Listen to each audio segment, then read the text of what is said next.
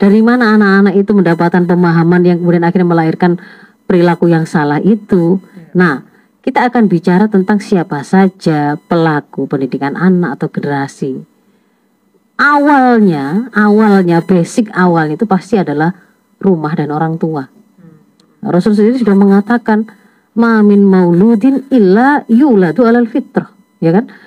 Tidak ada seorang bayi pun yang lahir kecuali dia lahir dalam keadaan fitrah. Fa abawahu yuhawidani au yunasirani au yubajisani kedua orang tuanya lah yang kemudian akan membuat anak ini tadi mau jadi Yahudikah, Nasronikah, Majusikah. Berarti berawal dari ada guru pertama di situ, peletak dasar warna keberbadian sang anak. Sekolah pertama anak itu adalah rumah, itu adalah bapak ibunya. Termasuk di sini adalah yang mengajarkan anak-anak itu ini bukan sekedar informasi-informasi yang membentuk kognitifnya, termasuk rasa yang dia punya, ya. Mengenali bahwa dia itu mempunyai naluri, untuk melangsungkan apa namanya untuk mempertahankan eksistensi diri ya.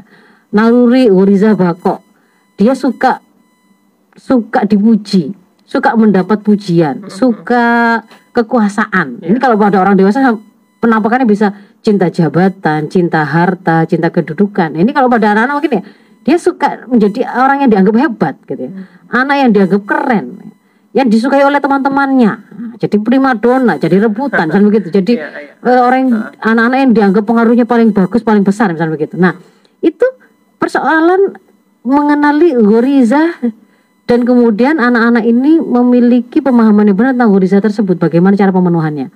Kalau kemudian seorang anak tidak pernah kemudian dia diajarkan tentang membela diri misalkan ya membela diri jadi setiap kali dia itu misalkan bermain, dia kan punya punya mainan. Ada anaknya anak uh, ada teman lain yang juga kemudian menginginkan mainannya. Kan wajar kan kemudian bisa jadi ada rebutan, hmm, ya kan? Hmm, hmm. Nah, naluri naluri anak-anak tadi yang punya goriza bako tadi yang satu dia pengen oh kok itu kok bagus ya kan dia ingin memiliki ingin nah, memiliki nah, tadi ya naluri dari sang anak yang memiliki barang tadi sama dia juga punya goriza bako ini punya saya kok direbut? Kan gitu kan ya? Nah sama-sama karena berada naluri. Tetapi bagaimana bukan nalurinya yang salah gitu loh. Tetap dia itu menciptakan Allah. Tetapi bagaimana kemudian anak-anak tadi itu belajar mengenali oh ini ternyata adalah perasaan yang akan buat dia itu sedih ataukah senang. Ini ini ini ini rasa nyaman, ini rasa disayang, ini rasa dihargai gitu ya. Itu yang mengajarkan orang tuanya. Termasuk bagaimana bagaimana me, memenuhi kebutuhan-kebutuhan akan perasaan tersebut itu juga orang tuanya, orang tuanya, orang tuanya ya, orang-orang yang gitu. mengawali tadi. Nah, termasuk di situ misalkan kalau seorang anak misalkan sejak awal dia tidak pernah diajari bahwa kalau misalkan dia itu di direbut barangnya, dia tidak suka dan gitu. Atau dia kemudian tiba-tiba dipukul temannya, dia merasa tersakiti. Tapi yang kemudian diajarkan oleh orang tuanya adalah sudah kasihkan, suruh ngalah terus, suruh ngalah terus begitu ya. Tanpa kemudian dia dikenal bahwa sebenarnya dia punya hak loh ya saya kan harus harus harus aman tidak boleh kemudian sampai ada yang menyakiti saya tidak boleh ada yang membahayakan saya kan tidak boleh ada yang mendorong saya tidak boleh ada yang memukul saya tidak boleh ada yang kemudian menghina saya.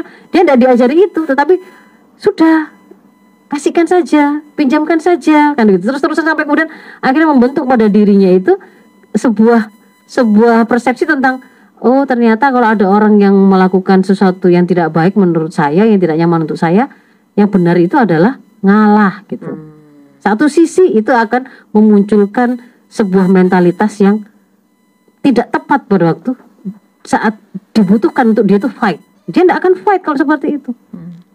Dia dipukul temannya langsung menerima. menerima. Nah, padahal siklus perundungan itu terjadi ketika ada anak yang merasa kuat, kemudian dia melakukan perundungan pada orang yang dikira dirasa lemah. itu lebih lemah, kemudian yang lemah itu membiarkan.